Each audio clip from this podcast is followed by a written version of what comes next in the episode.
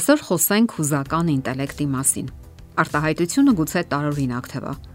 Քչերն են իրենց նեղություն տալիս մտածելու այն մասին, թե ինչ են հույզերը եւ ինչ կարեւորություն ունեն դրանք մեր կյանքում։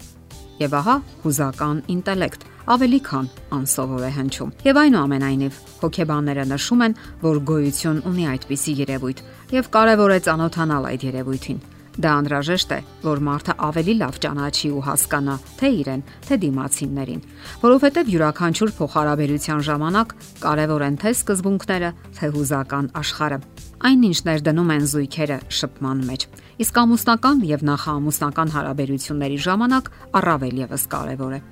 Շատ երիտասարդներ ունեն բարձրագույն կրթություն։ Նրանք կշռադատված են, Աչքի են ընկնում խոր մտածելու ընտունակությամբ եւ տրամաբանությամբ, սակայն միևնույն ժամանակ նրանք կարող են հուզականորեն ամուլ լինել եւ շատ դժվար կլինի նրանց հետ բնականon փոխհարաբերություններ հաստատել։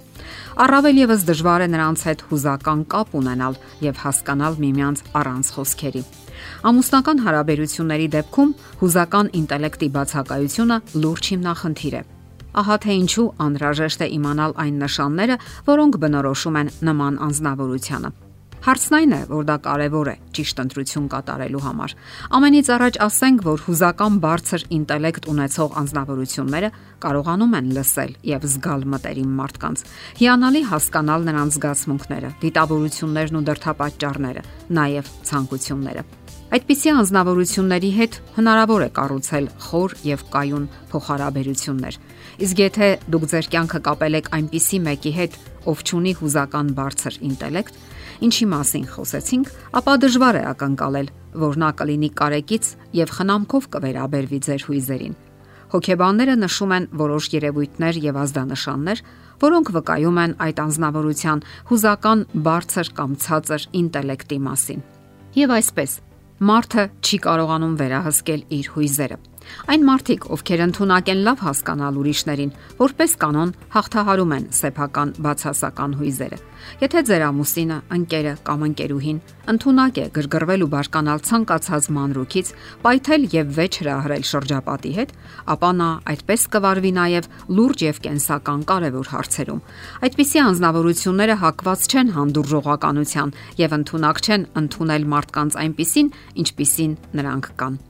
Երկրորդ նշանը՝ հուզական ինտելեկտի բացակայության։ Այդպիսի մարդիկ չեն հասկանում ձեր հույզերը առանց խոսքերի։ Հուզական ինտելեկտի կարևոր բաղկացուցիչներից մեկն այն է, երբ մարդը կարողանում է տեսնել եւ ճիշտ մեկնաբանել դիմացինի հոգեկան աշխարհն ու հուզական ազդանշանները առանց խոսքերի։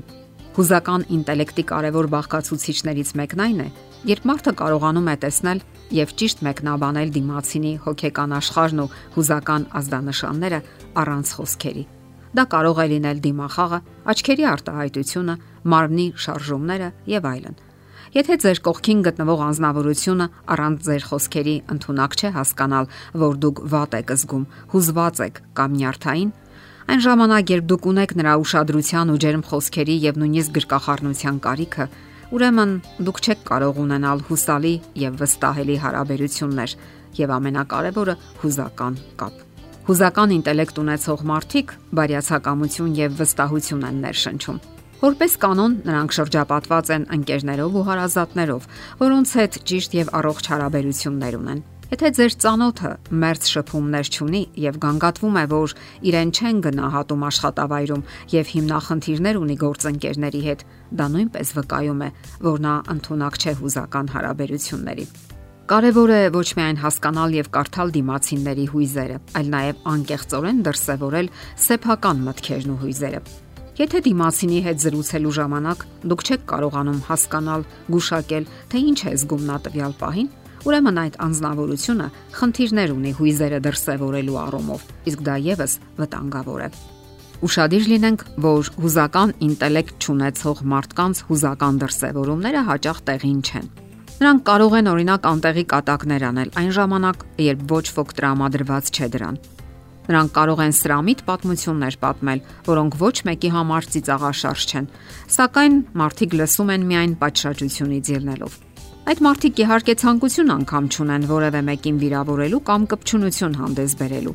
Նրանք պարզապես չեն զգում, թե ինչպես են անցալում շրջապատի մարդիկ այս կամ այն երևույթը։ Հուզական ցածր ինտելեկտ ունեցող անznավորությունները նաև խուսափում են տխուր ու հոգեպես կոտրված մարդկանցից։ Նրանք չգիտեն, թե ինչպես պահել իրենց եւ գերադասում են խուսափել այդպիսի հանդիպումներից։ Նրանք պարզապես չեն անցալում ուրիշների ծանր կամ ընկճված վիճակը։ Եթե նույնիսկ ի վերջո հասկանում են, դարձյալ չեն կարողանում կարեկցանք կամ ջերմ վերաբերմունք դրսևորել։ Հիմնականում նրանք կարեկցանքի կարիք չունեն, իսկ եթե նույնիսկ ցանկանում են վշտակցել ինչ-որ մեկին, չգիտեն ինչպես անել դա եւ ինչ բառեր օգտագործել։ Մեր հուզական վիճակի մասին տեղեկատվությունը մենք հայտնում ենք նաև ձայնի հնչերանգներով։ Եթե ձեր մտերիմ անznավորությունը ձեզ հետ խոսում է հեռախոսով եւ չի հասկանում, թե ինչ վիճակում եք դուք, հոգեկան, հուզական ինչ ապրումներ ունեք, ուրախ եք թե տխուր, դա բնորոշում է նրան որպես հուզական ցածր ինտելեկտ ունեցող անznավորություն։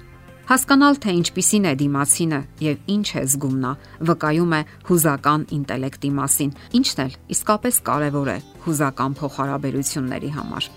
Եթերում է ընտանիք հաղորդաշարը։ Ձեզ հետ է Գեղեցիկ Մարտիրոսյանը։